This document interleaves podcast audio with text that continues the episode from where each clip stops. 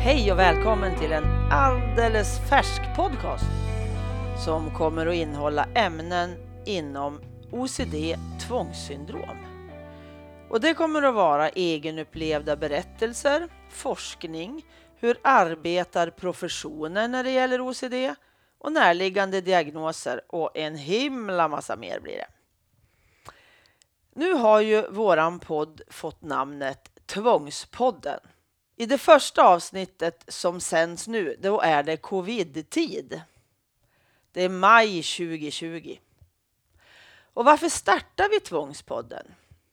Framförallt så har jag saknat poddar om OCD. I alla fall på svenska. Så nu när vi nyligen har släppt det 101 avsnittet av Familjebalanspodden, en podcast om MPF och psykisk hälsa, som vi kört sedan november 15, då kände jag att det var dags att göra något extra för människor som har OCD och deras familjer. Så därför så startar vi upp den här podden. Och jag brinner ju allra, allra mest för OCD och vad den gör för människor som har diagnosen och för hur det blir för hela familjen. Hur involverade alla anhöriga blir. Och jag vill lyfta OCD, människorna bakom diagnoserna och att fler ska förstå hur svårt det ofta är för hela familjen när det finns tvångssyndrom. Både att hitta rätt hjälp, få andra att förstå vidden av tvången och problemen man upplever i familjen och hur vi ska bete oss som anhöriga. Jag vill ge en nyanserad bild av hur det är att leva med OCD tvångssyndrom och alla diagnoser som är närliggande. Jag vill ge en faktabakgrund, ge bilder av anhörigskapet, tips, råd. Jag vill skrota skammen. Jag vill öka kunskapen. Jag vill ge hopp och visa att det finns glädje och en framtid fast det inte känns så emellanåt. Och vem är jag då som vill allt det här? Ann-Katrin Noreliusson heter jag. Bor utanför Glada Hudik. Jag arbetar som NPF-coach och det gör jag genom att handleda, utbilda och ge stödsamtal och föreläsa. Och det här handlar ofta om OCD, men även om de andra MP-diagnoserna. Känner du att en kontakt med mig kanske kan hjälpa dig? Då är du hjärtligt välkommen att höra av dig.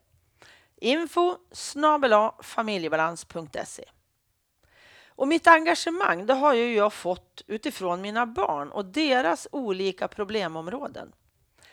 Ett av barnen har bland annat OCD och i perioder har han mått alldeles förfärligt dåligt. Och jag vill göra allt jag kan för att förbättra tillvaron för andra familjer som har det på liknande sätt som vår. Jag hade önskat att jag funnit en podd när vi mått som sämst. Och vi har levt med tvång i vår familj sedan i mitten av 1990-talet.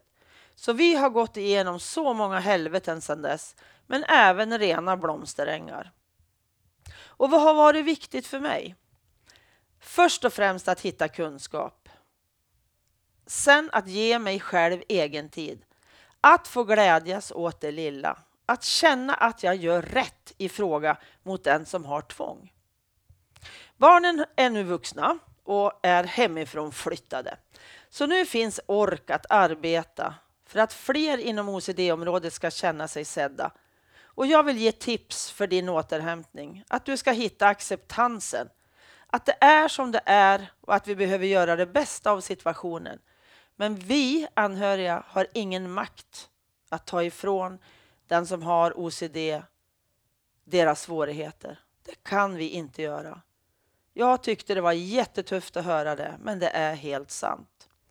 Men varför blandar jag jag och vi? Jo, det är jag som hittar poddgästerna. Jag samtalar med dem, jag spelar in och sen tar maken Anders vid, alltså pappa till mina barn. Då tar han vid och redigerar. Jag vill ge er ett tips på en bok. Och det var den första boken som jag läste sen vi hade förstått eller fått veta att Marcus hade OCD. Och det är Susanne Bejerots bok Tvångssyndrom, OCD, nycklarna på bordet. Och det är en bok som ger grundkunskap och insikt. Det finns även en hel del formulär att fylla i för att ringa in OCD. Och som jag sa så var det den första bok jag hittade om OCD. Då hade det gått fem år efter det att Marcus hade fått sin diagnos, tvångssyndrom. Jag läste och undervisade honom. Det är jätteviktigt att den som har OCD får kunskap om sin funktionsnedsättning. Sen jobbade vi tillsammans för att han skulle stå, stå emot sina tvång. Ibland med bra resultat och ibland var det betydligt svårare för honom att stå emot och för mig. Och att vara sin egen unges enda terapeut, det rekommenderar jag definitivt inte.